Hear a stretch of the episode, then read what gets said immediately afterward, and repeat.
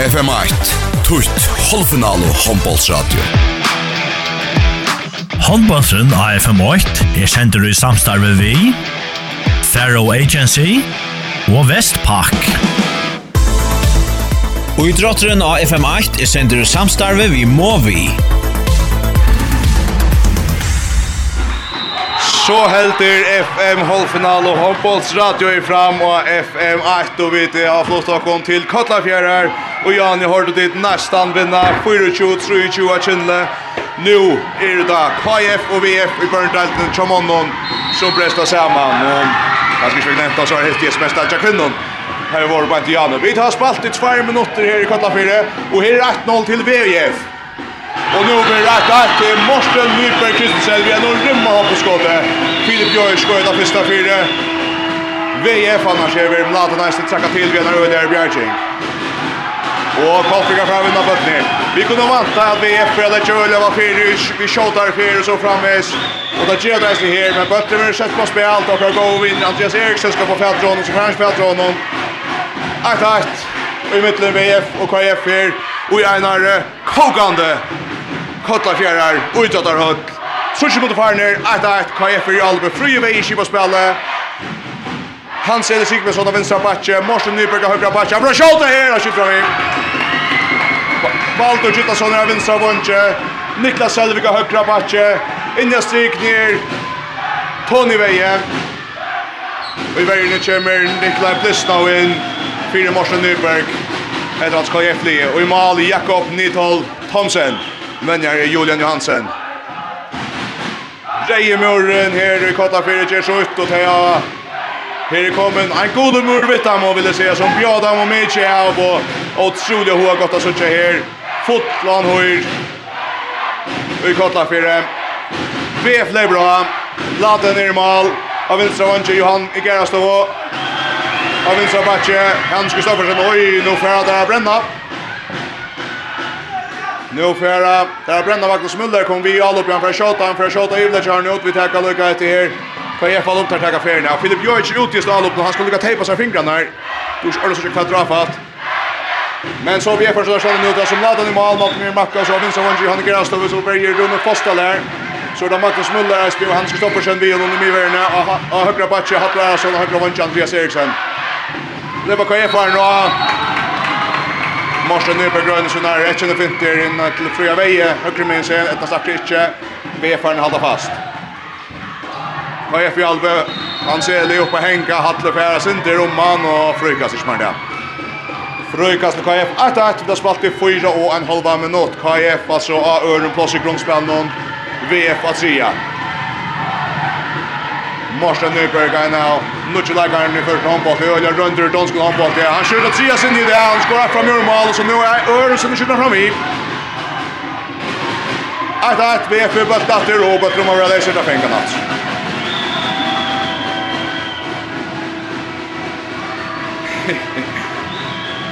5 minutter farner, 8-8 i midten VF og KF, og nu er av Olvara enda spelshøyrer i Førskon håndbollte. Førja meisteren i VF. Her er jeg som rundetippa her mot KF. KF har haft Orja Sarfia Vera, fyrst i Abjør til Heina Fjers, som altså sett i aften av striken, sin favorittlag mot Ijar. Her er VF-eren, Hans Kristoffersen. Vi taklar vel, frie veier vi fra alligar takling.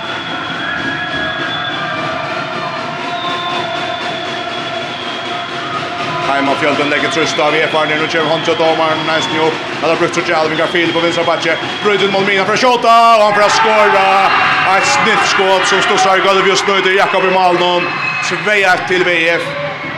Filip Jörgen skorar. Vi var ett två minuter och sen att bli jag sent här. Det var två minuter färdigt nu. Och det var sent en norska gata att gå och hörn. Här var parkerings på så på så det var sitter och slipa ner allt nu körna. Har vi helt inte akkurat lägga listan så vi får se det backar kurs skott per mål Kanske få skida till höj. Oj, hålla i storm. Men nu är det går. Handboll till börjar vi en tens handboll till och nu då vi är för det så vinner bollen. Kvaja Farner, har vi ikke tamrat alla bøtten, og sedan på spil, så fra vi er fram, Andreas Eriksson! Snuja til VF! Snuja til VF, Kvaja Fjallet Bjator! Förra mästaren blir bäst här i Kotlafyrre. Och Julian Johansson är färdig över att uh, täcka sig gröna kors upp i, upp i händerna här. Han försöker bruka det igen, men uh, han känner kanske att Törben idag blir rött i kött. KF i Alubö, i Veje, skipa Späljakra nu, Hever Hans Eli, Sigmundsson med sina vinster, Morsten Nyberg, Kristensen med sina högkrolig. Niklas Selvik högra vånge, Baldur Gittason av vänstra vånge, inne stryker Tony Veje. Och i mal, Jakob Thomsen. Nu kör Baldur Gittason runt och spelar bort till Aminen som fryr Det är bra mittfyrje och vad händer nu över spelet stäckat. Här är då Magnus Muller till VF och Tony Veje till KF som skulle ja, sätta sig skick. Här vill jag få bara, bara grätta vidare de har om kurset här släppa värja så framvis. KF har en lebator. Här omgången Signe, Marsen Nyberg för att få bulten. Nej, så för Frut Tony att han kör bruksan. Etnas inte så det var till Selvik. Han får upp Joja och alltså några vanchen där nere. Högra backe. Sinter. De måste se Roales, han vet inte om det är, men Sinter Ikke så tjatt hilakka kvart meins her. Men henda meinigen hon er god. Det er hans eller Sikvensson i gått mitt fire. Sindeborgs rongon. Han kjenner og lutser av og fer han bøtt, og så langer han til, og bøtteren sitter. KF minkar av månen ner ut Rydvei.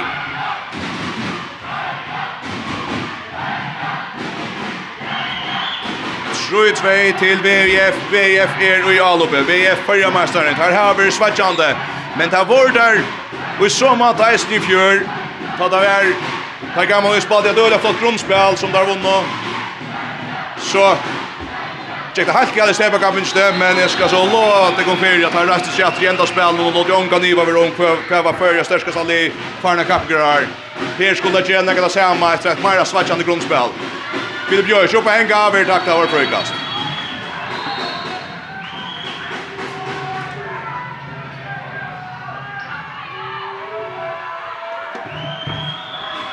Sjutvei til VF. Rune Fosterla Strykner spelar upp till Hans Kristoffersen. Krossar Filip Jojic, ut högra back, Hadle Arason, Atle Filip, Filip, underskott, för fram i, för fram i, så kunde kopplinga Hjalmar, vi har spalt i 8 minutter, 21 mot 20 minutter. Trøy 2 til VF, VF har ikke ordla i Serjar Skålstøv her. Morsen Nyberg, Røyner en snilda bøtt om høyre hongse, for han kjolver i stegen, så Weird ser det, han er jøkken, og her mal, og her Hjalmar går i Trøy Trøy. KF Hjalmar, vi Hans Eli, sigerbøttene sine. Hans Eli Sigurbjørnsene. men han som hever tre tungt høg for KF og hinne kvar. Og jeg kanskje han kunne også säga at her rakt til Åkers finaleplass i atter. Øde vombrott her i kata 4 minnes vi tar i nesten. Åkers vekna Stjål. Stjål stepa finaleplasset fra Kolfringen her i høtlen igjen. Og fætlig drama hjem. VF i alle bjatter, mitt fyrir, Hans Kristoffersen, han bjør over, taklar nekka fyrir fyrst, og så vi er Filip Jojic, og at han vratte taklar i frukast. Hans Kristoffersen, hever bøtte mitt fyrir, sette fyrir, kjemmer nivå til vinstre, Tony Veje, vi sandbrande takling, frukast til VF. Frukast atter til VF. Han och satt där. høtter, fram mot höger han plass, nei, det får han ikke, så vinner Hatlo bättre läser och Kaja för Rajan, Så för att han kör lob og Andreas Eriksen i Fisterheim. Han fengar bøtten, för nøsni av hans Eli. Ja ja. Andreas Eriksen som uh, Eisen han kjentra til FM8, hørte han fra Brynje Høy, kjenda rødda FM8 Eisen, spurte han mitt landa om uh, at det gjør det som fjør, og stjela Finalt oss fra Kinde. Hun sier nei. Han tar åtte der for vi inn. Her var han ikke stjæla. Men eh, det går ikke en skjølt til Filip jeg stjæla seg skjønne mål. Han får prøver skjølt og tar vi nekka fram vi, tar vi nekka fram vi. Jeg synes det ålder til honom. Så får Kaja för en real opp Marsen Nyberg, han er pura fri her, og han langer bøtten, på sista jeg bett i nettet. Og så är det Kolfringar åtta. fyrir fyrst og fyrir det. Fyra tror jag till KF, 11 minutter farner.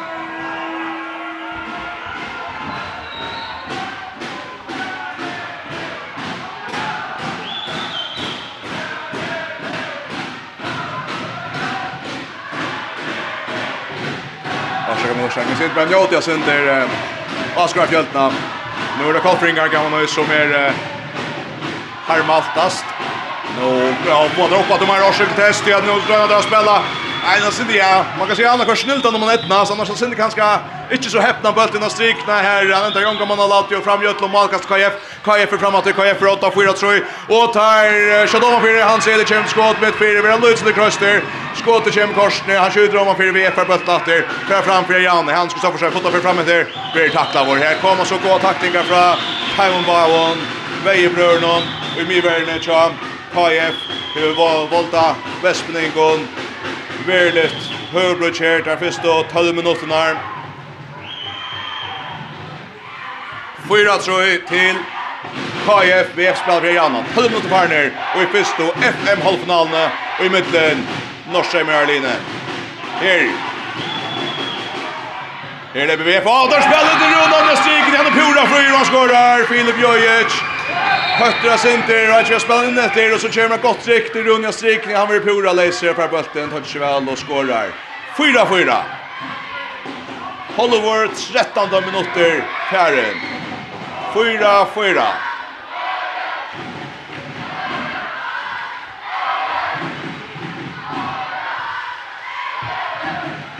KF i Alben.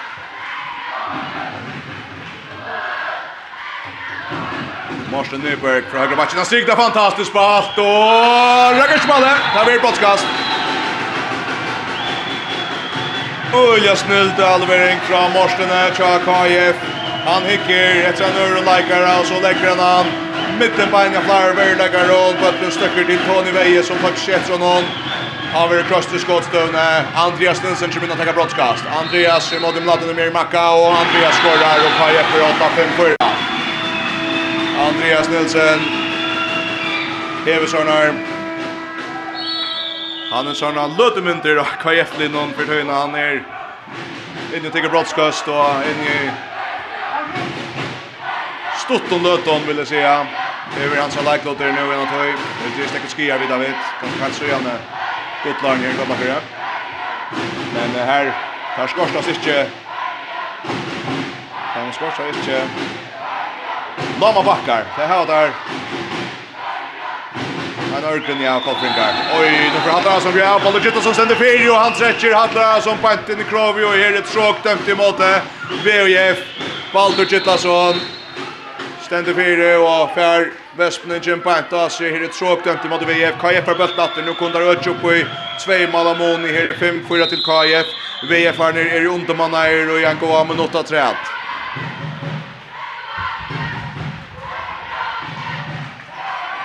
Marsten Nyberg, vi är det högra vång till Niklas Selvik. Hela min alltså damm, han är plås och så får han jöknen och kvät. Han får frikast. Han var och signa suttja där han pura frier. Och så när Filip Björk akkurat att uh, få händerna fyrjan och så är det frikast till KF. Alltså damm, köper i tas paljatter. Här, här så fyran pratar vi. Nu Bladen Björger, Bladen Björger, klaverat han för malkast. Bötter stack ut på en då. Marschen honom mitt i malkast och inkast, malkast verda. Och så kan vi epa fram i Janna. Efter en outgör det Lidl tar vi Jag kan citera Kerstan Johansen, han har spurt om om just helt enda dysten, han säger att ja, vi får en diskussion på maten igång, då Det kan ju en trubbla till hvis man hade bjärgat en shape upp där ja, så klarar man kopplingar som ska spela bort det händer.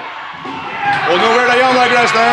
Filip Jojic, gott tröst mitt fyra. Hans Kristoffersen kommer här efter och lägger bulten och Sansa Petri in i ett 5-5. Där Magnus Müller runt över då. Så skjønner jeg kraft. Og så fer, altså, damen kommer pura fryr her.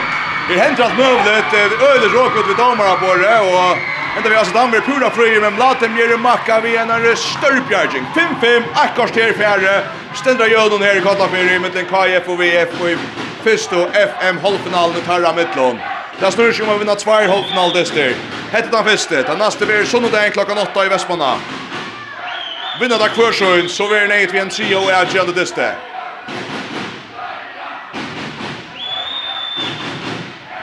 VF i Alvbjattor. 5-5 vid spatt i Gokkorster. Hans Kristoffersen, högra back Hattlar Arason. Ut högra vång, Andreas Abrischi Jöknen. Så Hattlar, skjuter ut om och fyra. Fyra sender Kjolvor in, ett hoppskott, släpper väl fram, men Färsjö bulten ner att Rav Johansson, han skjuter den här komma fyra. 5-5 i mittlen, KF och VF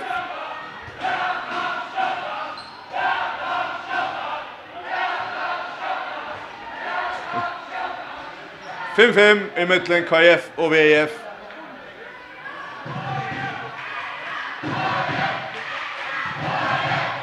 Annars har spela förska och 21 manslandslig i fotboll till Östningen. Här att vi 1-0 mot Frackland. Här håller vi tungt fjärgen.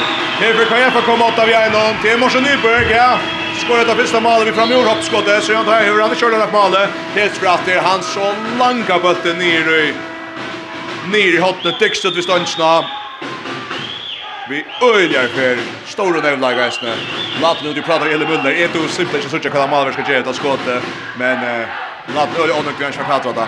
6-5 till KF. Morsten Nyberg trakka til via nøylen oppskåte för Johanne Gäs och skjuter in det och det är uppe skott. Johanne Gäs över vänstra vånch chans kommer runt så får han skjuta högra på han Lanka bollen i rejset dix du står så helt nere vi tvärs i målet. Det för Morsen Nyberg kastar in det. Och Hans Eli innan stig där Rune Johansson är vi är. Han rumma fintas sig läsa han hos så han tittar om och kosa gå stöve. Men då blir det inte kaotiskt och att det skulle gå vidare kunna är det så Morsen Nyberg han säger nej vi börjar nu. John. 6-6 i mittlen KF og VF. Hotakande fyrst og sier tja minutter her. Gåur intensiteter, øylig fer, KF i Alba. Morsten Nyberg her, Atlans Eli. Vi er til Morsten, kommer han tatt under vergena, kan han ner. Inna stigna, fantastisk ball, mål, 6-6 til KF, Tony Veje, Jarvei Liot. Morsen Nyberg vi en einar snildare, snildare i allingen av sikt. Og her spratt er fra Filip etter Rune, og her er Janne Leif Ratter, tjei tjei. Og så ligger Andreas Eriksen etter av gulvet nå. Øl ånøkt vi at han skal være koppar, han fyrer en av fyrir enn søgn i etkjende ivgongkong. Ivgongkong. Kjemmer og til søgn her, bøtten ikke er, så jeg synes det ikke, alt ikke snakk sånn da. Nei, jeg vet ikke, man spyrir Andreas, liksom, hva skjer? Annars har Kolfring och Jösa en man som vi fler spyr ju ofta. Han har Ted Johansson, han spelar smart attackare. Ivona, Evondre, ser jag för mig bara. Evondre så av vet någon. Och det kommer en kappare.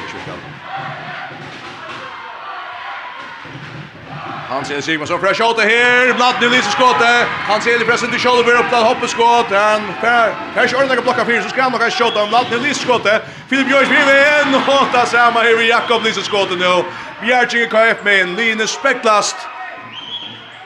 Kvørsønne med igen. Byta mål i mitten så midtensønne, bøyta bjergjengen i midtensønne og eisene.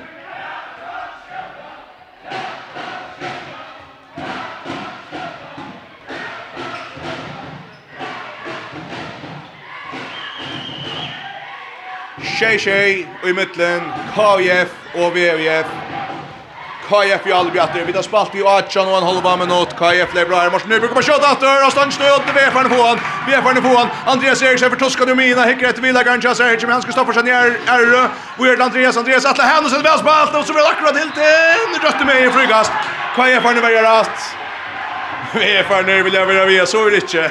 Där vill jag vara vi Att här ska det här vara varsin.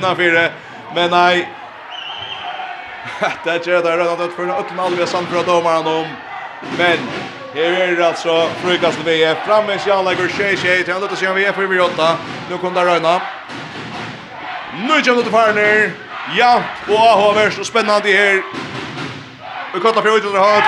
Och här för Hatt Jag Är skott, han tycker tror ju fet in i högra backen. Och han langar bollen i nätet. Långt och så och så är 8-6 till VF Hatt Larsson ifrån Lugan på skottet. Nujtjan og halver minutter på herren.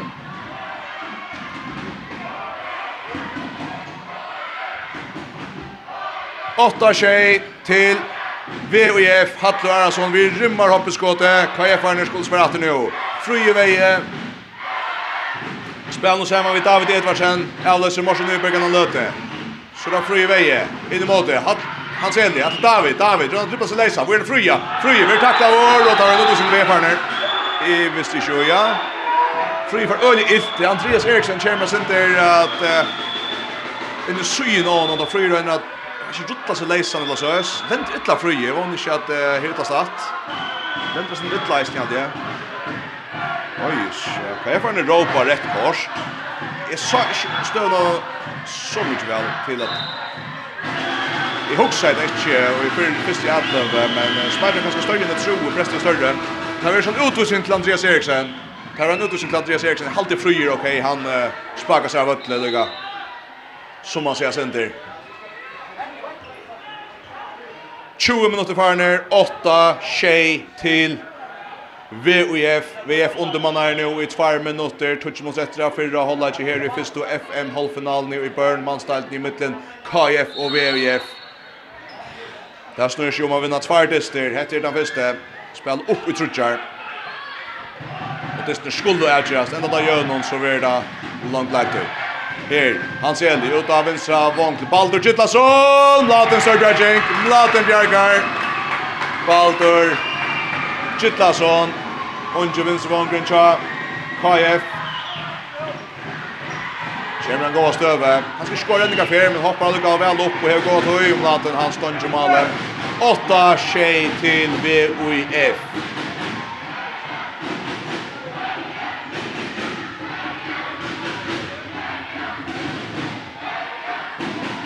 Åtta tjej till VF. Nu lever och drar lägga mitt fyr. Hans Kristoffersen går till Filip Jojic. Daniel Jakob Olsen kommer in och högra vång. Tja VF. Det blir Filip Jojic. Tjata! Rymmarskott! Rymmarskott! Sinter, ja! Jag tycker inte att vi har möjlighet. Han är nära närgod i högre och så släpper han från Og tar og seina på hendene av han, Kolfringar, og så langar bølten tvørst i mal, helt opp i malhodne. Nutju tjej. Filip Jörg vid rymmar skåte, näkud i högre, langat av til om. Dikster i malhodne. Nu spelar väl Kolfringar om högre vång, Selvig, mål! Niklas Selvig släpper till, av har Mölka högre vång, landstidsmångren skorar, minkar av månen till 28. Nuccio till VF, Niklas Selvig minkar av månen. Det är gott utavsspel av Kolfringon. Det här var ett rätt erkänt utavsspel här där flita spela. Alltså, jag tror inte spelar läckt ut i högra. Så rör han tar spelas i Jöknen så trycks mot Simon här. Om tills ettan så går att lägga första om bötlen här där bredvid Öland med Klosse i vänster för att välja må förska sig över högra så i Chakmaje. Bonda Jemaining. Jibom han till Sarsta vill säga. Bonda Jemaining till Lorsta Esten. Hans Kristoffersen, det bra mitt fyra. Att Filip Jørs, han plats plassen i kjøkkenet. Filip Jørs i 28. Och VF-erne i vil leva vel og vilje, sier her. Undertallstøvende kjass här. Her finnes jeg veldig hål av mal, kjøttet ikke nå. Det er altså under hålet tøy, vi bor ikke annet av første minutter på Boa veien er, men legger frem i Sjanta. VF-erne och i fører oss etter noen her i Kotla 4, 28 til VF. Og heter vi efter som ser gott ut. Det här har rätta uttrycket. Vi har vi sitt etta men gjør at det er inte alltid lukkar som har hon opp til till det. Hetta ser ut som att det är som att det ska spela fem minuter spel. Tadja Coffin så kommer en leikar som inte sagt fra avgör. Her hörde Siktor så Siktorsson in. Hörde Fanna Siktorsson kommer inn. Han striknar men det är sånt kvar kall frugen här spelet i högre tempo så bättre film Johan Freyr i vägen. 1-8 og VOF. Og Och VFR ner Atler som er i ska på stånd. Upp i hopp og dansa. Og Julian Johansen KFN gör for Ivel lägger gröna korset jag bor ett av er. Dyra minuter. Detta var det dyra minuter för Koffringar. Filip Jöjers Jagra shot all upp. Bulten vill läser. När kunde høyre til VF KF er det bare i vänster og... så det er är runt där. Hinuncha, Daniel Jakob alltid, Daniel Jakob Olsen, Hekron Ankersson, Kjell midtelen ska jag ska lära mig namnet på en av en. Vi tar några kvar stolar. Stolar öliga spänningen här om FM halvfinalerna. Och ikväll FM 8 tutt halvfinal och handbollsradio. Handballsen av FM 8 är sender i samstarve vi Faro Agency och Westpark. Og i drotteren av FM8 er sender samstarve vi Movi. vi.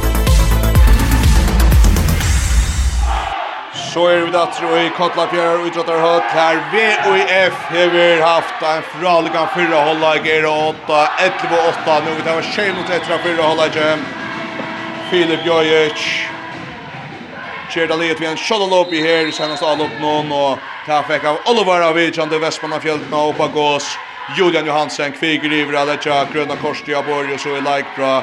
Och KF-arne skulle få oss rätt. Ja, skift som vant, kanskje vi har säga. Nega vel ut. Nu tar vi Edvard David Edvarsen inne etter. Hørtur Fanna Siktorsson, han er inne etter av KF Linnon. Jeg har ikke på eia ved en avgjør. Takka annars for seg, var det et kappgrar i fjør alt, ja.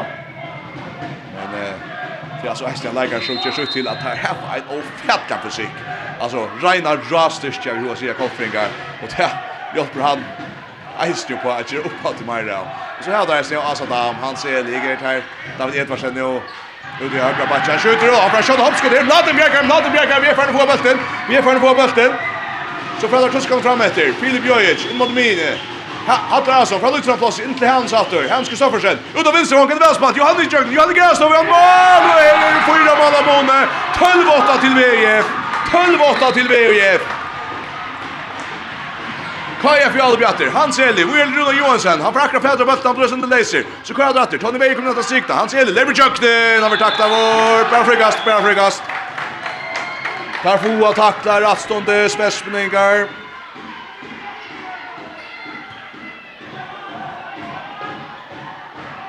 Ola Jakob heter han norske med. Ola Jakob Gordon Olsen, høyre vantje. Jeg tror ikke først for i år at det sier navn til skrevet. Det er også vilja flore at det ikke er kjent klart att det första sätt sig att man Ivas så får man Ivas mer än så. Ola Jakob Olsen, han är så färdig ut nu, Andreas Eriksson kommer åter. Det löper uh, Kvajefa och nu kommer han tatt under vägarna och alltså för skjuter en dumst standande skott och så får Kvajefa allt för första per gå löt och mycket ner i trumman av och 12-0 till VF, 12-0 till VF.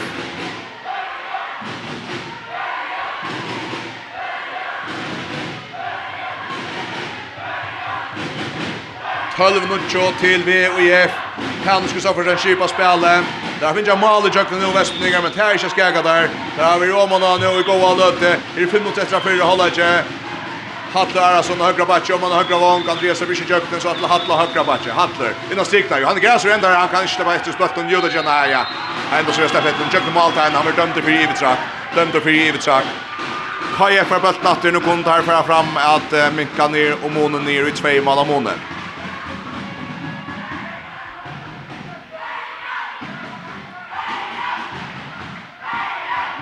Kolbringar kommer gänga igen efter det. Asadam som fick oss under hål och om målskytten stanna upp en av en han Skiva spelet David kommer från högra backen och Asia till högra till samma skott som Jordan. Oj, så sitter på inte väl han ser det han ser det för akkurat här som natter. Leva Kolbringar med natter. David Edvarsen. Picken har strikna. Hörde för fältet och någon laten Mr. Bjerging. Laten Mr. Bjerging. Och vi är färdiga för framåt då. Hans Kristoffersen till vänster till Filip Jojic. Han flyttar sig pura lejsan. Och här är mål. Och här är 13 nucho till VF. Här är 13 nucho till VF. Och kontringar för Himin. Asa Dama vänstra backe. Vi är till Hans Eli. Atla, Till Rune Johansson. Han är jökt och han skårar. Och så Jack Pedro. Så kan jag fara ner. Halda bulten väl igång. Och få flott Bergina Chavi F och Rune Johansson kommer i ett hurra och begap i myrvärne. La ja han ska sen ut så in i gamla och Chavi. Chavi F tar om kan göra för fotot så är Bergina Ta där att skåra. 13 touch och Kaje Farnes för att vi och hålla uppe.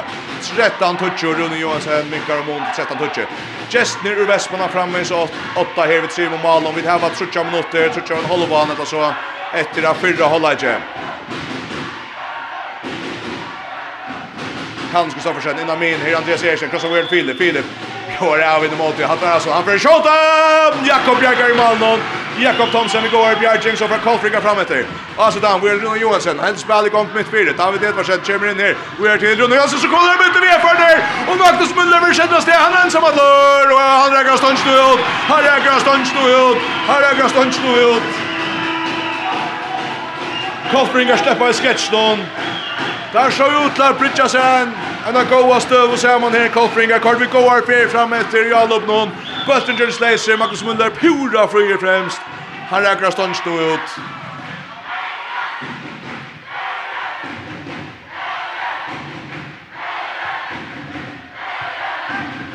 Kajefar i Jalup här. Alltså dam. Langa till underskott i vägen. Och Kajefar får på snatter. Han har troffat ett bein. Och i BF-värnet. 13 Tucho til VVF. KF fyrir alle vi her. Vi har tvær minutter godt her etter fyrir halvleik. Martin Nyberg. Vi taktar Sindre Vist og vel de og taktar vår av Hannes Kristoffersen.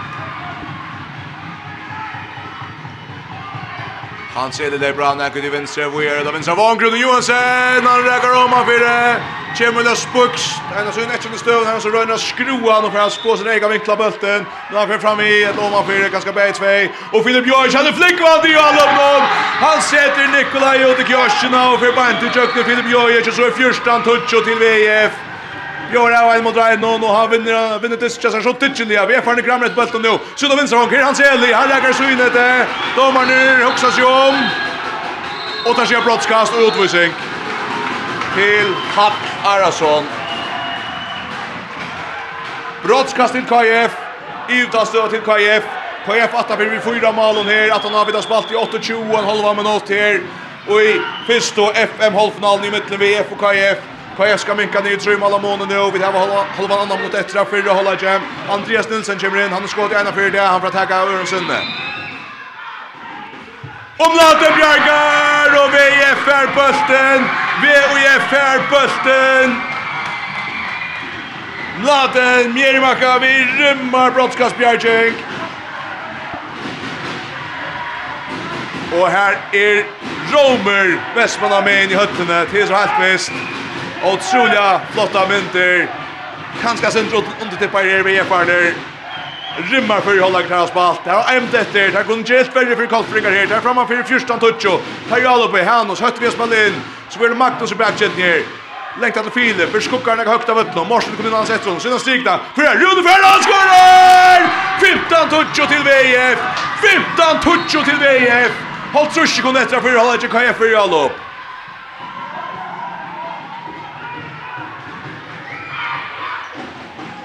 Fjörde sekund efter av fyra hålla i kjær. Koltbrygga få Asa Dammen och kipa spelen. Nu spelar Nikolaj venstre backor. Nikolaj Blysnov.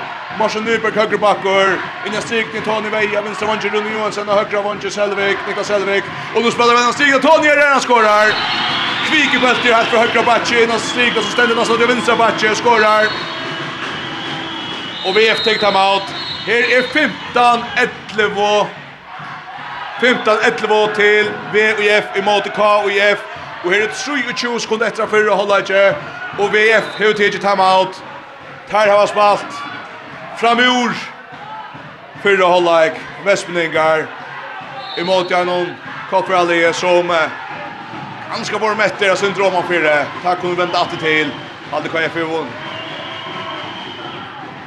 Vi tar på Frankar og Jet. Her er 1-0 til Frakland i Oangelandsens noen i fotbollet. Her uh, er 8-1-0 og i Hollaidsnon. Her er like Leikbra og i Kota 4.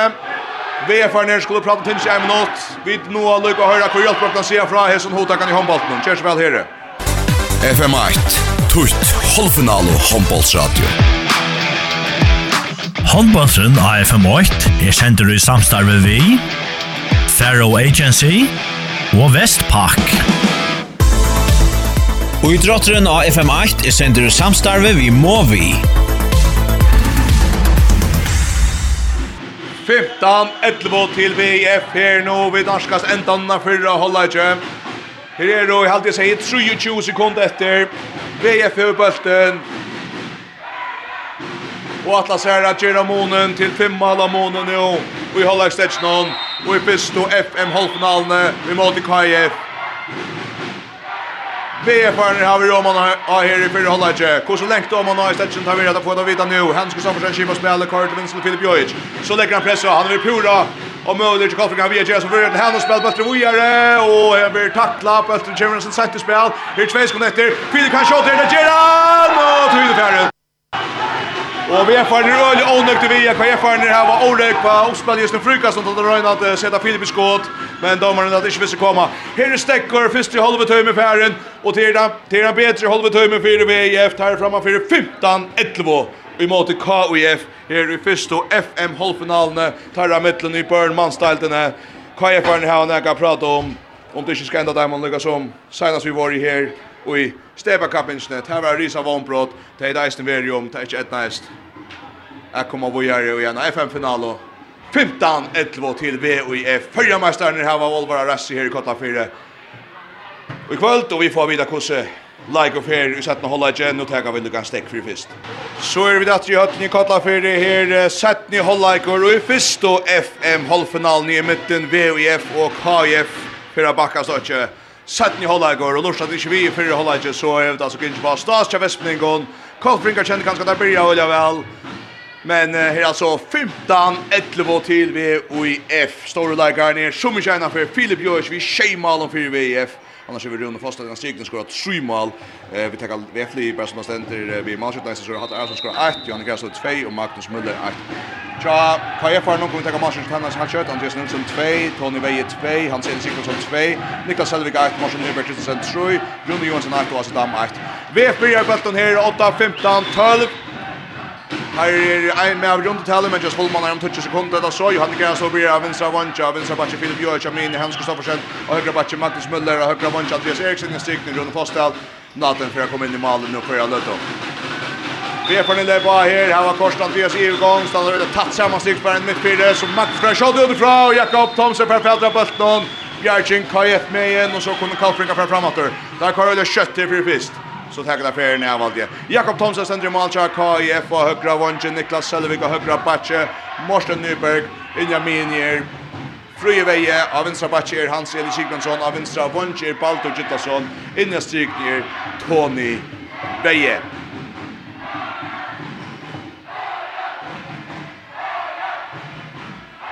KIF-arna flyttar sig mitt fyra. Morsen Nyberg med skott. Rimmarskott. Ralleskott fra Marstene. Nyberg, han skulle ha søkt fjorda mal. Skjuter som, ja, han mynt ofta er brukt, som hester sparskar.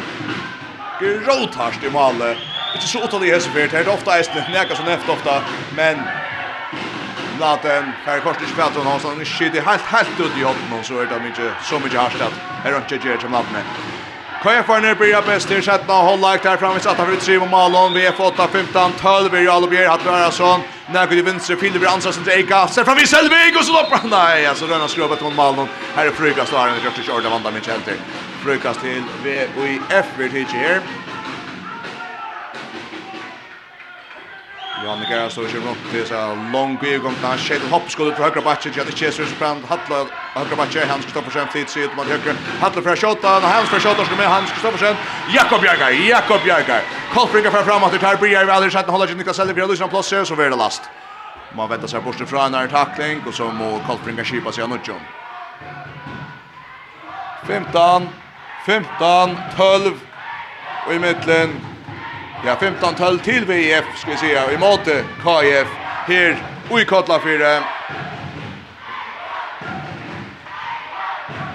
Hollywood, 3 minutter færen, KF-erne bygger opp at det er Morsen Nyberg, Atle Hans Eli, Atle Morsen, stepper inn om som kommer ned, blir han takta for fyrst, om man slipper seg i jøkken, blir for Liot. Hans Kristoffersen her går henter av størska Bastian Tjakolfringon, og så gjerne kommer Rune Fostalon meisene til Hjelpar.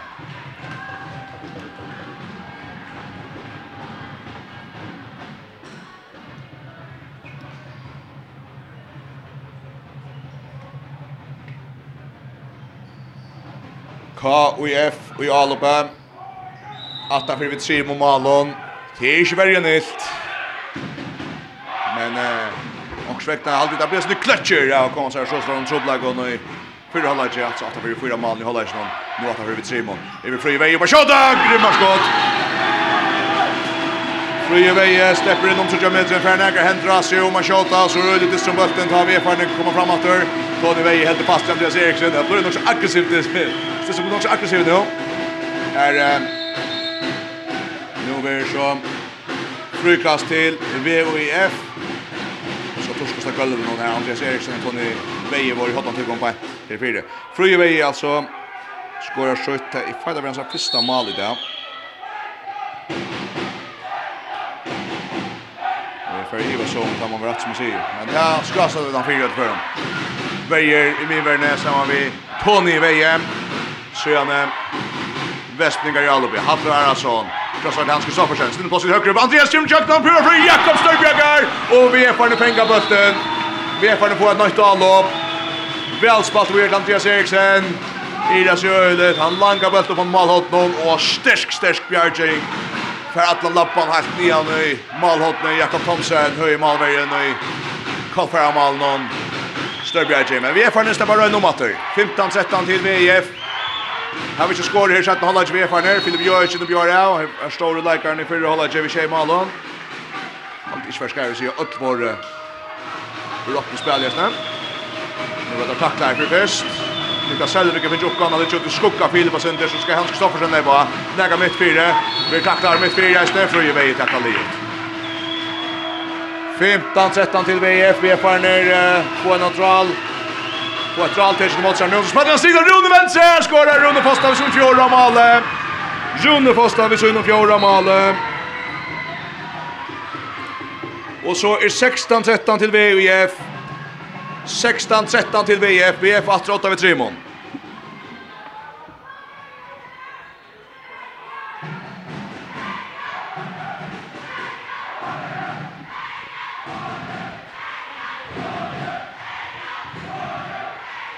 er farne på Jopper, Selvig Grønland om.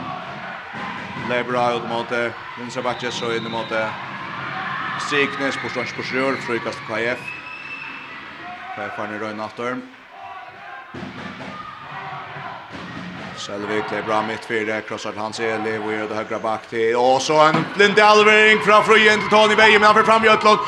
Vefarnen spiller fram etter, så han hadde bøtt i kvarandre her, plass ut i høyre. Nei, en kjører hans Eli, og fengar bøtten! Her kommer Hans Eli og fengar bulten. Og så er det plass til Selvig, omlaten Bjarkar, omlaten Bjarkar, og VFN er ferdig fotla fyrir fram etter Filip, fram i Einon, fram i Tveimon, vujere til Hall, så blir stille her, nei, synes fram i Øtlån, og Koltbringar eier bulten, og Koltbringar eier bulten. Og fra gå vinner Klaus Rasmussen til å bruke et hotak som heter uh, Elastikhandbolt. Elastikhandbolt. Håndbolt er som er lastig, det flyr han enda i hin, og jeg vet ikke, det er sånn det som hender nå. Og ikke mal, vi er som løtten, men uh, Nick har avfatt jo bare med igjen. 16-13 til VOF. KF spelat för Minka Sarmonen här hemma vart i första FM halvfinalen i Chamonon. Morsen Nyberg, Höstra Sinter. Krossat rumset till Nikolaj. Nikolaj för shot då så han tacklar Jens och Lötton. Så han tacklar och han vill tackla vår jävst och löton. Morsten Nyberg för högra. Skjuter! Mlaten bjärkar kvar i torren. VFR Malkast, VFR Malkast. Håas Niklas Selvig väljer snällt där och touch in och för slebulten ut att jobba spel. Så här han track och längt efter bulten. 16 13 till VOF och VFR framåt att öka. Lade mer macka vi Mongo Bjarki går ner. En årsök de till att stöden som ner 16-13 till VF. Vidare spalt i 6 minuter jag sett hålla inte. Långt till efter dess någon. Men också kan se på en tjänst där chef för det kör detta så vi har mycket kommunen och det så inte nu. Så kan du ända vi har fått också några skonsätt nu vill säga. Vi är fan en rönna ögon upp i fyra mål. Vi har tacklat för första för Björslebra. Hattar Hattarasson, åh, snuts och Leysan! Och skorar! Hattarasson vi fint, av högra matcher, släpp fram i Koffringar sier han Justin Ekvet, domaren sier nej och så får Koffringar med Selvig, och stund står ut! Heppnich vi Koffringen, och han detter fram i, och og til Vi BF-erne på bulten. Niklas Selvig hamrar bølten, og innarsyn, ja, stund står ut, og så får BF-erne fram antar. Seijan trettan til VUF her i Kotla 4, 6 minutter, 45 sekund færen av 17 hållage.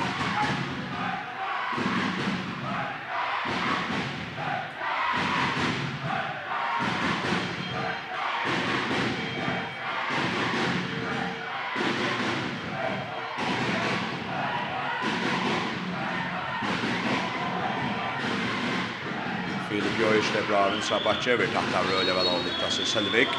Niklas Selvik tackar Rölja väl. Vi för en kvar ner igång så där på dagen när vi vänster eller cross där vill Buja sen där. Så innan steg där Joni att det åt sodet han vänster väl och så bjärgar Jakob och Kolfinger på bollen. Joni fastade spalten och Trulja står anders Jakob stöve. Han får chansen att skåra så femte mål men Hese för bränner han också till först för det han bränner. Jakob Thomsen läser målen nere vid. Sejant settan, Sejant settan till VOF. Och hette hötte Kolfringar bruka, Einar Bjergjeng, ta annars av Filip Bjørsjef, funnet Runa Fostel, og jo otroliga gårstøver vi sniltar, sniltar i allvering. Så stinker håndna fram i mjötten och han kan FRA och släpper andra sista pett innan strikna vill. Och Rune Fostel och Julia Gore. ser en läkare som kanske vet ordla finga en i för i enda spel under fjärr. Skora fyra mål här i dag, men bränner sina femte rund. Vi måste Jakob Thomsen som må være en legend som kan jag få komma in att av dysten. Mladen har varit på sjurgåvor i VF med igen. Filip Jojic, storlegaren fyrir Hollager, skorar 17 Hollager, det blir spalt i nudgen mot 17 Hollager, Filip skorar Schaefinar fyrir Hollager, Sejan Settan. Sejan Settan til VFK Farnen Leboa, og man slapper til også her, så bakka der ut, nekka skal Niklas Bistam høtter, man ventar seg til Morsen Nyberg, han sier vi blir sin nudgen, Morsen der ute i vinstre, og så kjør Filip i midtla skjellebøtter, han ikke til Vila Garnon, og så hvor er til Magnus Muller, han er pura frøyer, Magnus Muller til Sejan Settan, Kolfringan er ikke knær, der sier Filip ut, triplonekk, Men det är alltså 18, 13 till V och IF efter enda shotalopp. Magnus Müller. Vi ser någon öre om alla. Så det är med Kolpringar här. Röjna i högre. Ettnas inte fyra fest. Kiva sig synd och nunchon äga mitt fyra fest. Reje murarna synder kurrer nu. Och vi är farna där. Det är farna där. Vänta sig emot det här murarna. Han ropar han och spelar kvar kan det bli av och så kan man så komma koffringar så touchar Sundli. Tala Brooker, koffringar utroplar kom. Lepa mittfyrt. David Edvards han tjock mittfyrt och så Fredrik Sjödal och Westmendingar. Johan Pura från Jör och Jakob Thomsen i rimmar Bjärging. VF för att få bollen åter och i Allopstöve till att returen han ändrar alltså allt vet jag ända vi en frykaste till VOF tar flyer för att hotcha det till returen men Jakob Thomsen gör skjutt till att uh, KF här och line att rena dysten. KF här framme sen en line att rena dysten. Men här ska också sättas nu i Allopstöve till att det här där gånger pura pura galle. Här var gammal nu skora två mål. Vi satt nå hålla i men det är alltså på gåvar 20 minutter. Stå 11-15 i hålla i stånd om jag minns rätt. Och ja ja. Och John sätter nu till VF. VF är väl ökt. Och i nu hålla igen. Och nu är det ju alla uppe att det för öde upp att Maira. Hötte han gilta möjliga vid Det är trätt VF det som allt allt som Mara Luisa Scholvon tas som lärde känna från kappraren för Sörja. Så det alltså blir färre med sig. Men nu Jim Pallegitason han fängar bollen över och han öppen fänga bulten och glöjer ut och så kommer han ut om så i den här inkast till VF. Vefarn i røyna alltid, og sett til som var nytt avlopp til at Kajefarn høtti altså bølten. Han har lukta løt i her, og koffringen glei ut. Så Filip Bjørsson skjøter av sånn snud, Vefarn fengt enda retur, Vefarn fengt enda retur. Andreas Eriksen her, vi kvik en håndtånd av bølten kommer nærens han. Nytt all battret til VF. seg Kristoffersen oppe skjøter, og han fer i malen nu, og så er Nujjan settan til VF. Hans Kristoffersen, dette var hans første mal i dag. Renneskott mitt fyra, fire bakfra, och på Maxan der i Kolfraverne. Koppringar spela, kvicklig om han högra vång, Niklas Selvig, han skorar. Etter velspall, bøtte kjem fyrst i Atlevin, Tony Veja, han spelar Bötter en bojar om han har vondkjen av strikene. Snyft väl skåra, Niklas Selvig skorar sitt andra mål. Westmingar eller Bratter. Hattar alltså lägger lut så spottar läser Koffringar på engan. Koffringar på. Tony Bay i på fältet någon han ska toucha sig så någon som fänger han bulten. Koffringar bara väl bulten Vi får nu hem i hem i Värjestöv och Men hetta var nok annars golfringen och så ser Julian Johansson nu må vi prata om tinsne. Vi då spalt i kött 12 minuter sett med hålla holda ikke. VF er grätt om han här. Nujan Nujjan, fyrstan til VUF. Nujan fyrstan til V og Vi har spalt igjen 12 minutter av setten av Hollage. Kolfringer har etnast nu en tvær mot Bergestøvån. Vi har, vi har fengt bøltan her. Og nu... Og nu skulle Kolfringer ta seg om hvordan der kunne få Alubic av seg av battene som er ikke at det kom inn at rena dysten. Nujjan fyrstan til VF i måte Modikaje her. og i FM-halvfinalene. Bit høyra hver stolar spenningsnån. FM 8, tutt, halvfinal og håndbollsradio. Håndbåndsen AFM8 er sender i samstarve vi, Faro Agency og Vestpak. Og i idrotteren AFM8 er sender i samstarve vi Movi. Så er vi datter og i Kottafire, heimafjölden. Det finnes nægra kvötcher her i dag, må vi da sanna. Her er altså 9-14 til VUF, og jeg er noen utrolig hodtagande og hendingarøykom hendingarøykar i halvfinale om fyrremeister heite Nujan Fjörstan. Etter den første dissen at Simon Møvleikon, Simon Møvleikon skulle jeg sija. Detta snur sig om att vinna två artister och vi är för en här alltså bäst i korsen i hånden till att vinna den första. Där framför Nujan Fjörstan, men Atlas Uric syftar en. Värre än så. Nu kommer Kolfrika Rörs går av väl. Där spelar Rune Johansson spux i kökning i vinstre. Och han släpper bulten fram i bladene. Öjliga häktningsliga som jeg kjenner Rune Eisne. Rune Johansen, sitt andre mål. Mikkar Monni, fyra mål. Nujan 15 til VF. Nujan 15 til VF. Kolfringar har etnast vi har finnst stekka Filip Jojic i senta holletje, men så er det blir sinne mer plass til hinnar. Hans Kristoffersen er ved skår rockers og hatt hans nokkurs. Men det er vi sin till til malshottingsne. På 12 minutter i støvanfæren fra 15-11 til Nujan 15. Her lever Filip Bjørkjær stemmer jøkken og han skårer. Jeg vet ikke om han hørte med. Jeg vet ikke om han hørte med.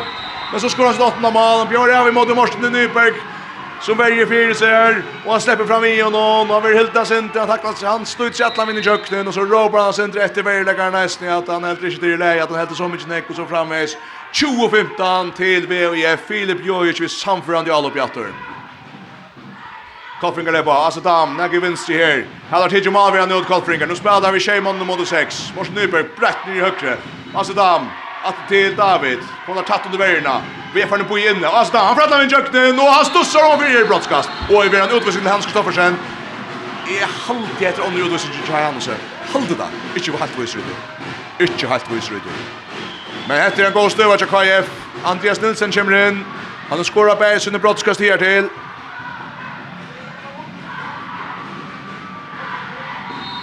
Går han sen där, han skorar tryggt. Sedum laddar ner och så skjuter han bara Pakt om han för axlarna rädda så ös. Nu gånger läggs han helt upp i Malmö.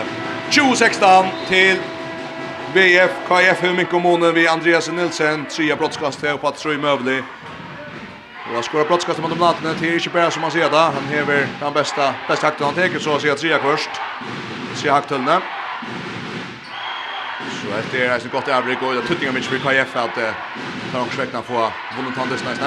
Vi får Björns på skott, han skjuter fram igen, skjuter fram i. Och inte dömt, han hickar sin domaren, han stöter kastar fram efter, han ser det på fyra han mål där inne. Hur han inte mål där inne. Han ser det mycket månen, så är det bäst tre mål av månen. Goars stöver här till KF, tar få kaknut sitt eget hål och få minka träffarna av månen. Nu är det bäst tre mål av månen. Och vi är för det tyckas inte nöktert, här skältas av sent innan nu så alltid. Ska kanske inte göra det men Göra det värre där det 20 sejan til VF, VF i allopet. Her rundt detaljer hela minuta trätt.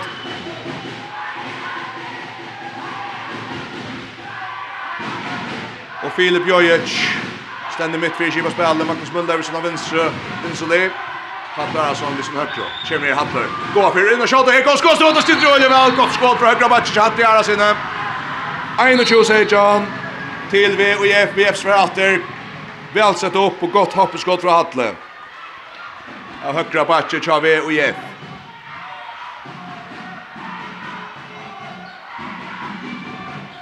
Her spelar golfringar. Han länkar bult ner i vänstra, släpper stycken till vänster och han åter ner ner i höger. Och han ser, alltså pura fri mitt fyra och så skorar han. Han ser levererar spalt där, pura läser mitt fyra utan spel någon. det här, tar locka alla. Sätta sig upp i högre, kan jag ner och mo locka bergarna över. Så spelar kvickla mot vänster och långa minen så hans Eli blev blev fröjer. 21 Archan man Moni efter hans Eli helter månen att Trymo Malon. Vefarne fram i sitt hammerhalte, nu full man här. Så du kan få fåta sig av nu kan Vefarne komma av Sinti mer av vi, og Fernand viser tenni all opp noen.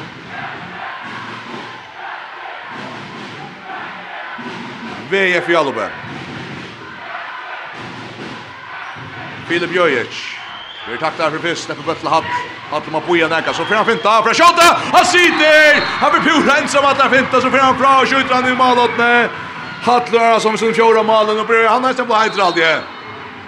Så är ju till att det är som inte vant jag ferie som vi fall upp nu, men helt och sådana likar så bara kunde kvickla få sig en 2 fet och så flicka fra och langa bulten i nätet, så ständer väl till 22 18 22 18 till VOF En av afralik mal fra VF. Her er första mot etter å spela i FM-halvfinalene og i mitten VF og KF. KF i Alby. Alltså dam ut til høyre.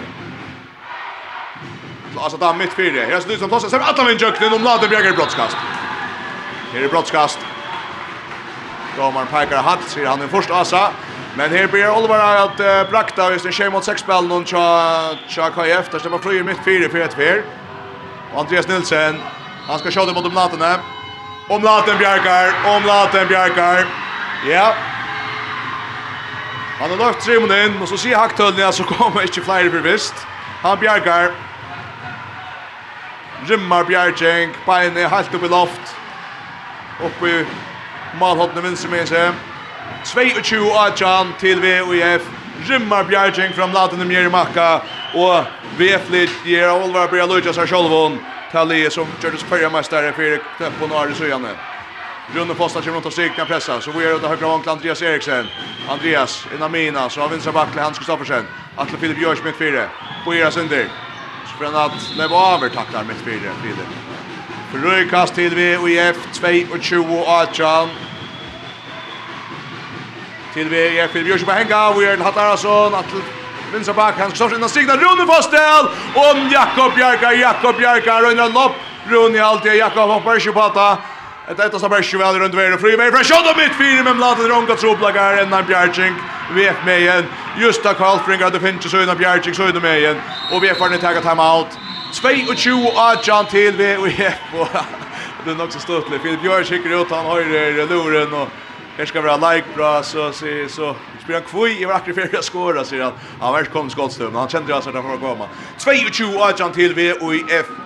Här i Kotla 4 vi är fan här vi och i förra säsongen Atlantis när han behöver ju att säga så att vi då spaltar han löte kanske första kvarteret så får det dra fra. här var helt emon här en fyra mål nu och i länga länga tog 22 Arjan till VOF vi har en sjätte mot sig att om minns rätt 22 18 til V og i F vi tar målstander tar vi då hårt kvar stolar halvfinalen og FM1 FM1 tutt halvfinalen og håndballsradio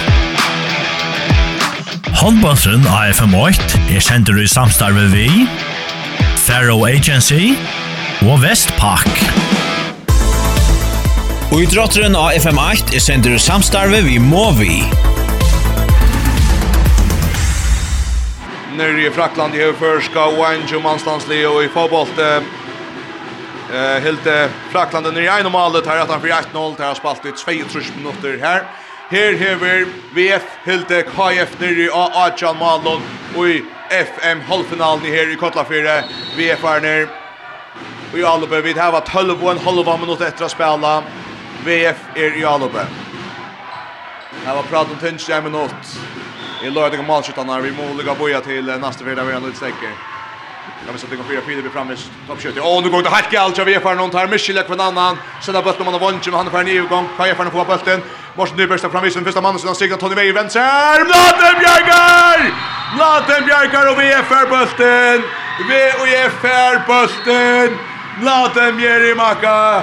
Ja ja, han är dagsens med över här till enn ein rimmar bjerging i friare støv og, og alt hatt så at det skuld gjettast tja VF Det skulle være Philip som får i holdt, vi har skåret nok steg mål. Det gjør jeg særlig fire holdet, han har skåret etter 17, han er 8 tillsammans. Og som Vladimir Makka skal täcka sig här. Pura, pura öppna chansen där. Fred Fred och Tajir han. Just som han är känd för det. Nu får han vefarna spela ner i högre och tar släpp inte till att måla. Det blir öll kaos här. Halta på till Kajran där inne mot Mina. Av vänstra backen Filip Jojic. Hötter, under skott där sitter där gymmar under skott från Filip och så fem alla mål i attor. 22 Acha Filip Jöjsson och Nutchen Damale.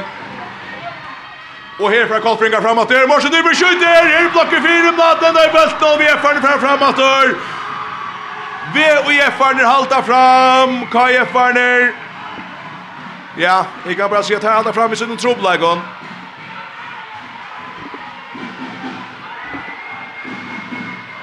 11 minutter. 11 minutter etter å spela, og vi er forne framme i sitt hemmerhalt. Ikke minst takka vi om Naden og Filipe. Nu tackar där Filip ur spel och Karl Fringar så kommer han ränna sin blindtål. Han får få bollen. Han får släppa in en strik där. Han ska försöka bollen laser. Karl Fringar får bollen. Han ser det ensam att de mot det. Kurvin distan. Tager han ser det. Hans Eli, Fairhall av Natten Attor, 15 mål, Hans Eli, han är toppskytt och Karl i det. Hans Kristoffersen eh, ska jobba så fötter. Aj, han säger att han finns inte knäj. Hans Kristoffersen alltså som vart han som eh, var om att få möjligheten i all upp någon. Och Jag tror så att man ska gå spela här så helt säkert på att ta vitcher du ska vara ut i tröja och man säger ja här är och kniven. Hetta her, her allt inte på stas av VF.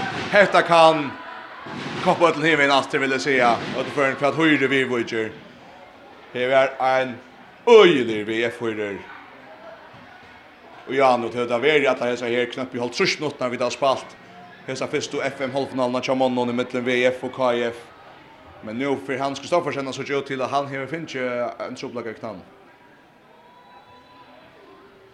Høtlen pura kvill.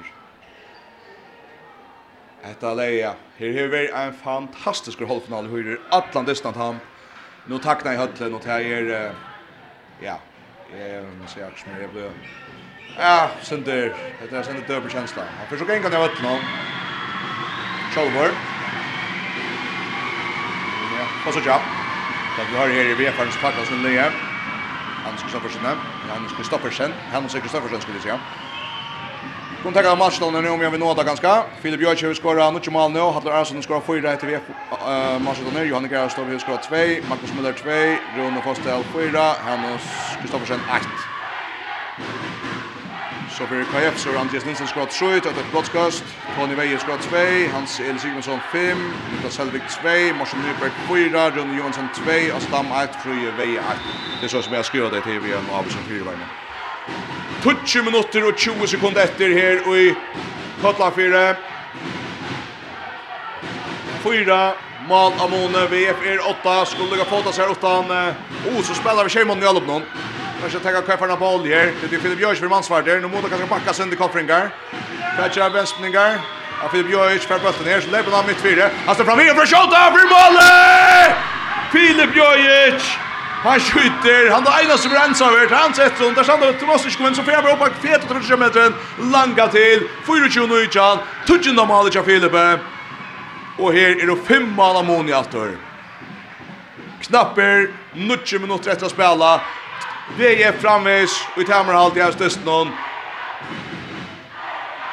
Morsen Nyberg kommer skjuta. Så sitter. Kanonskott från Morsen. Här sitter han och Törva. Koffringar. Femta mål till Morsen. Morsen. 4-2-2 i atter, 4 mål av månen i atter, KF binkar av månen, 90 minutter etter, tog ner framvist til da for KF, men uh, tar skulle skumla seg altså meira. Christian Jensen kommer inn i Shame mot sex spelet Chav EF innan strikna, så er det han og Rune Postel av strikna. Filip Bjørsjøk som skiva spelet. Det går sånn til Kjøran. Samfra, du vil si, ja. Lebron han med spyr på shotta. Från för Jesper. Filip gör skjuter om för Så kastar han mot Tomal och Jakob Thomsen kastar mot Tomal. Han sitter, han sitter, han sitter. Jakob Thomsen ser ut att ta Mal och så är det Strömmal och Moni åter och nu är det Kolfringarna som har hoa hoppa och Askar Fjältne. Och jag Askar Fjältne har Kolfringar nu mer och hoa hoppa. Ja, men blata, ikke det gå opp og gett med det. Ah, vi dag ikke skjønner. 24, 21, 24, 21, til VF, VF i Alupe. Og VF er bra. Filip Jørgens, ut til høyre. Hattel Arason, ut mot vinstre. Her er Magnus Müller, inn i mål til Atle Hatt. Så høyre var ikke Filip. Filip Jørgens av, ut mot høyre. Andreas Eriksen, først bøkst! Og stønns nu ut, og Kolfrika får han. Nu kunne han minka ned i tvei mål. Nu kunne han minka ned i tvei mål av måned. Her er 4-21 til VF. KF fyrir ettan så vi har minka ned i 3 mål. og nu kunne han minka ned i 2 mal.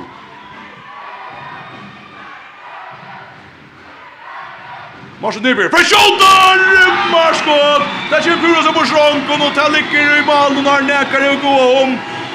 Marsten Nyberg hamrar bulten upp i långa målhotne. Vi ser nu satta mål i och så är det bäst två mål av Måne och KF är ner in i atridisnon. Niklas Selvig går till skockar Filip Jojic. Sedan känner man en Westbingar. halv inte men han ska stå för sig för att komma in. Så krastar bulten strikna. Otroliga väl öppna Magnus Müller. Vi är när fixar i aldrig kunna segna till Rona Postel. Han skår sig femta målet. Det är alltså tre mål av Moni åter. 25-22 till VF. Karlfrika för kött. Niklas Selvig i målet. Där släpper han till Mona. ut i högra vann. John Refaren kommer här på plats. Niklas Selvig minkar i månen till 25-22. Hesa dyster skuldu altså avgjøres. Det snur seg om å vinne tvær dyster i hesa her halvfinale røyene.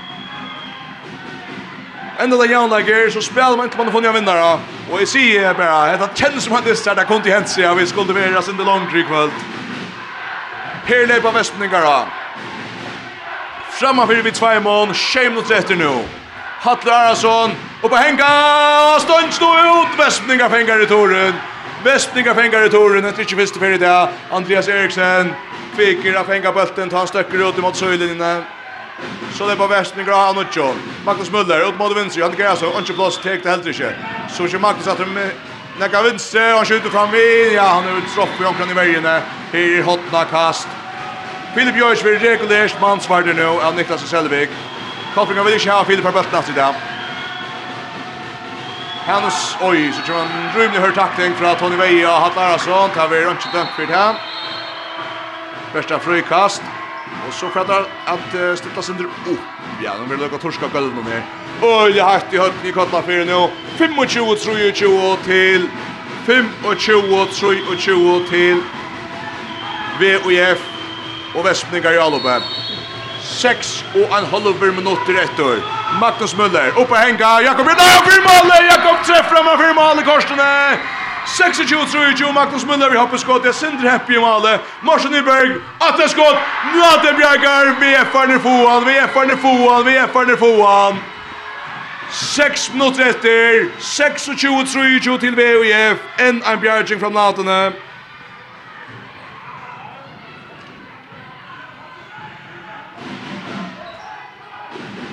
Skåtet till Morsten Tidges rastat Mara Sanford tar sig från Magnus bank från Monda är bara till Magnus för in i koppar Malle och tar från Morsten för inte och i VF-Malle. Hattar alltså upp och hänger här vi är till Hans Kristoffersen som kommer ner han är bra och han tråkar han tråkar han tråkar i vägen och så får jag koppringa framåt och ta ta mat tackar ta mat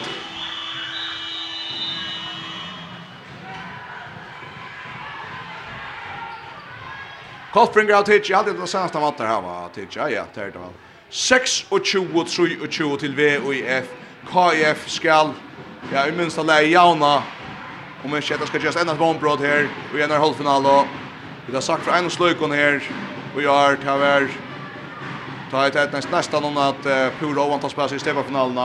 KIF har varit alltså är sne ivet tippar här men vi är förnärt här Här var dikter som vi kände Oliver att bli förmästare. man nog inte helt samma folk än Eker Manta men Eta byrja Lujas Mara Mara tog ut vi är VFR ner är jag. 6 och 20, 3 och 20 till VUF i mål till KUF. Vi tar en lycka kvar stod där, det är spännande någon om finalplatsen. FM8, tutt, halvfinal og håndbollsradio. Håndbåsen AFM8 er sender i samstarve vi Faro Agency og Vestpak. Og i drotteren av FM8 er sender samstarve vi må vi. Fem minutter, ja, fem minutter og 30 sekunder til at høy. Fem minutter, fem og halv minutter var det at jeg sier etter her. Og i FM-halvfinalen i midtelen KF og VF. VF er åtta, 26-23 minutter fra en gøy, da kjører Kalfring, og derfra stemmer Jøkne midt fire. Der spiller Kjei mot 6 spil, Jase Dam stemmer pura fri midt fire og skårer. Og så får Filip Jøy kjører Røyna senda bøtta mine, dekst i malet. Men der legger Ivle gjennom nå, kommer Kalfring er minket i rett mål av måne. Tar vi rett av for Vitt Simon, tar vi time out. Vi har bare spalt i noen få sekunder siden ta, og nå kunne Kalfring er minket i rett mål av måne. Er det 26-24 til VVF, KF av bøtten. Spiller Kjei mot 6. Og tar om med seg bøtten, han ser det fingeren etter skolen, vinser og Grunen Johansen! Og stånds nå ut! Og stånds nå ut, ja, det mater kanskje enda via Bjerken, ta fært norske bøtten ut og stånds nå.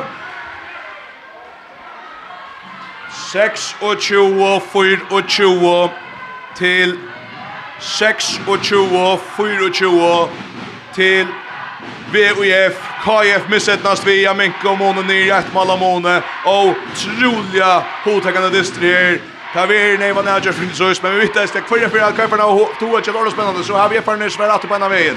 Hattlar alltså här vi takla över mitt för goal tackling från Tony Veje.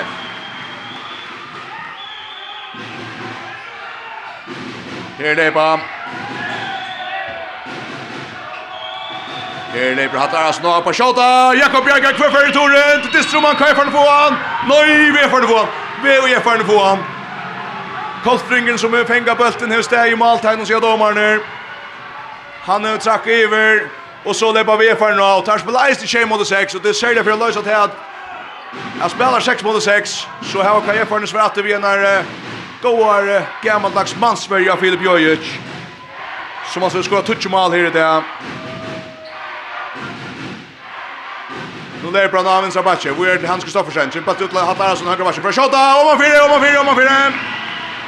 Han börjar köra då man fyra och så är 26 42 till VIF och Karlfrika fram framåt för minkan ner ett mål av Mone. Eklar som minnas när distans senast så tattor. Men det känns som att KF har helt snår. Men vi får nog klara helt igen av sig frastöve. Men nu kunde Karlfrika minkan ner ett mål av Mone i attor. Här 30 minuter efter. Går 30 minuter efter. Asadam. Vi tacklas inte för fyrst. Det blir inte. Slått av det, det var kjenne Morsen Nyberg spiller helt ny høyre, så kommer han midtfyrt til Asa Atlans Elias Eli ut av vinstra vanggrunn, Johansson tenker ikke chansen tjøkken, Kør spiller inn etter til Mina, og så tenker det så godt, så henter jeg, og så blir det tråk i måltet. Kolfringon! Det blir en tråk! Rune Johansson har rundet seg inn, og Andreas Eriksen, Andreas ligger av gulvet nå, og dommeren sier, Hansni, vi har vært tråk! 26 og 20, 24 og 20, till VOF och Astor och Astor med sättans koffringar via Minka ner i Hjärtmalamone. Kunno koffring VF Västningar som är kunno Västningar som är att vi kom på trumal så tryck vi nästan ta vi till här. Tar röna sig nu. Tar röna sig nu. Hattler att han ska stå för sen. Vi stäcker över för visst. 2 minutter og 15 sekunder etter. Et rull, ja, Jenny Dahl oppe. Filip Gjørsten drar bølton. Her spiller best ved 6 måneder. i oppe Nå vi er ferdig. Der framfor i 2 måneder. Gå! Gold for Garskjelland! Gold for Garskjelland! Niklas Selversson skal fram. Finansiell hjerte Selvig! Mål! Ett mål av Mone. 2 minutter etter. Ett mål av Mone og 2 minutter etter. 6 og 25 til VUF. 6 og 20 og 25 til VOIF. Men Koltbringar tevje okkur her nå. Her er 1 minutter og 40 sekunder etter. Og Vespningar leiva. Tar av tørva en male nå. Filip Jørsson Mansvart. Andreas Eriks arbeider ut av vinstermatchen nå. Spasser av Hjanne Gerastås og Ivas der. Bakka til Hans Kristoffersen. Hennes det bra midtfire.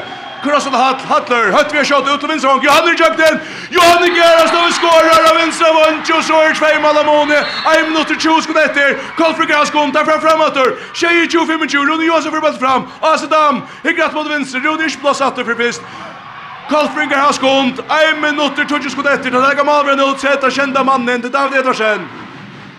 Så det är bra nu. Alltså David mitt fyra. Alltså David. Där tar sig tid nu. En minut just nu. Länge bättre från vänstra vång. Kämpa till mitt fyra. Han ser det. Ase. Ase hötter. Where David. Där släpps jag till några. Tog en gång till västningar som firmon.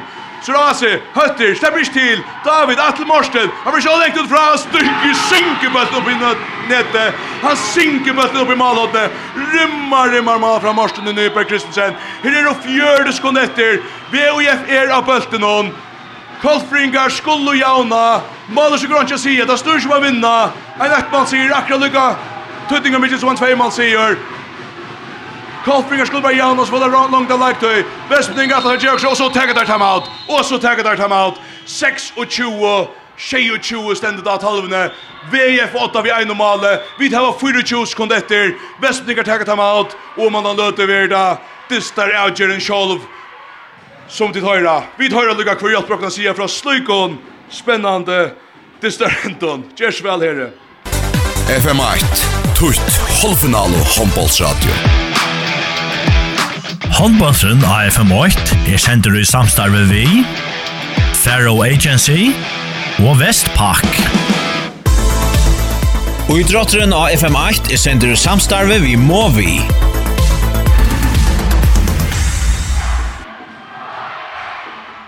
Vi har 26 sekund etter av Fisto FM halvfinalene. Chamonnon i mittlen VF og KF. VF i åtta vi einon. Tar heva bulten. Tar kunne kjenne livet just nå alle om noen kjennes det som. Kolfringar skulle stjæla bulten og jauna. Så vi er langt leik tøy. En ett drama i kottla fire som vi er vittnen til her. Ta vi ger och håndbollsradio, ta till som kvar för vi det kom korta för gör. Så där är så är en otrolig dyster ska där just nu. 24 sekunder kom efter. Tjej och tjus, sex och tjus till VUF. VF har nå bult någon. Och är kännas då mer här. Vi kör det så var skont akkurat. Det kom bant upp i alla björne. Johan Gerard står vi här på bulten ner spelar vi har tagit ända efter det finns vinner matchen för Björn Schmidt längt att Johan till vinner Johan Gerard och Muxarödet han på lanche så kommer Rune Fostel og fram og for Jugden. Han skjuter fra vi. Kolfringer har bulten. Tar att tackla lekt upp i 6 sekunder efter Tarja Mine nå. I 5 sekund. Rune Johansen får bulten fram. Hikker dag og Selvik. Natten Bjørgar. Natten Bjørgar. VOF vinner. VOF vinner. Fyrst og FM halvfinalen her i Kata 4. Og skola fjölten Toskar inn av gulvet og sauna sig Och jag ser att jag kringsett om natten och klämmat ett otroligt drama ändan affär. Karlfrika Fink och chansen. Morsten Nyberg upp till bulten ut i högra batche. Rune Johansson säger är spelar till Selvik. Han fick chansen. Han hejer ånka tog. Han måste tjata allt för hjärt. Om natten Bjarkar, om natten den halvt store spelaren där. Rimmar, rimmar Bjarkar. Ein fyr och ånder efter. Filip George vid sönden touch i malen. Otrolig avgjande i Eisne.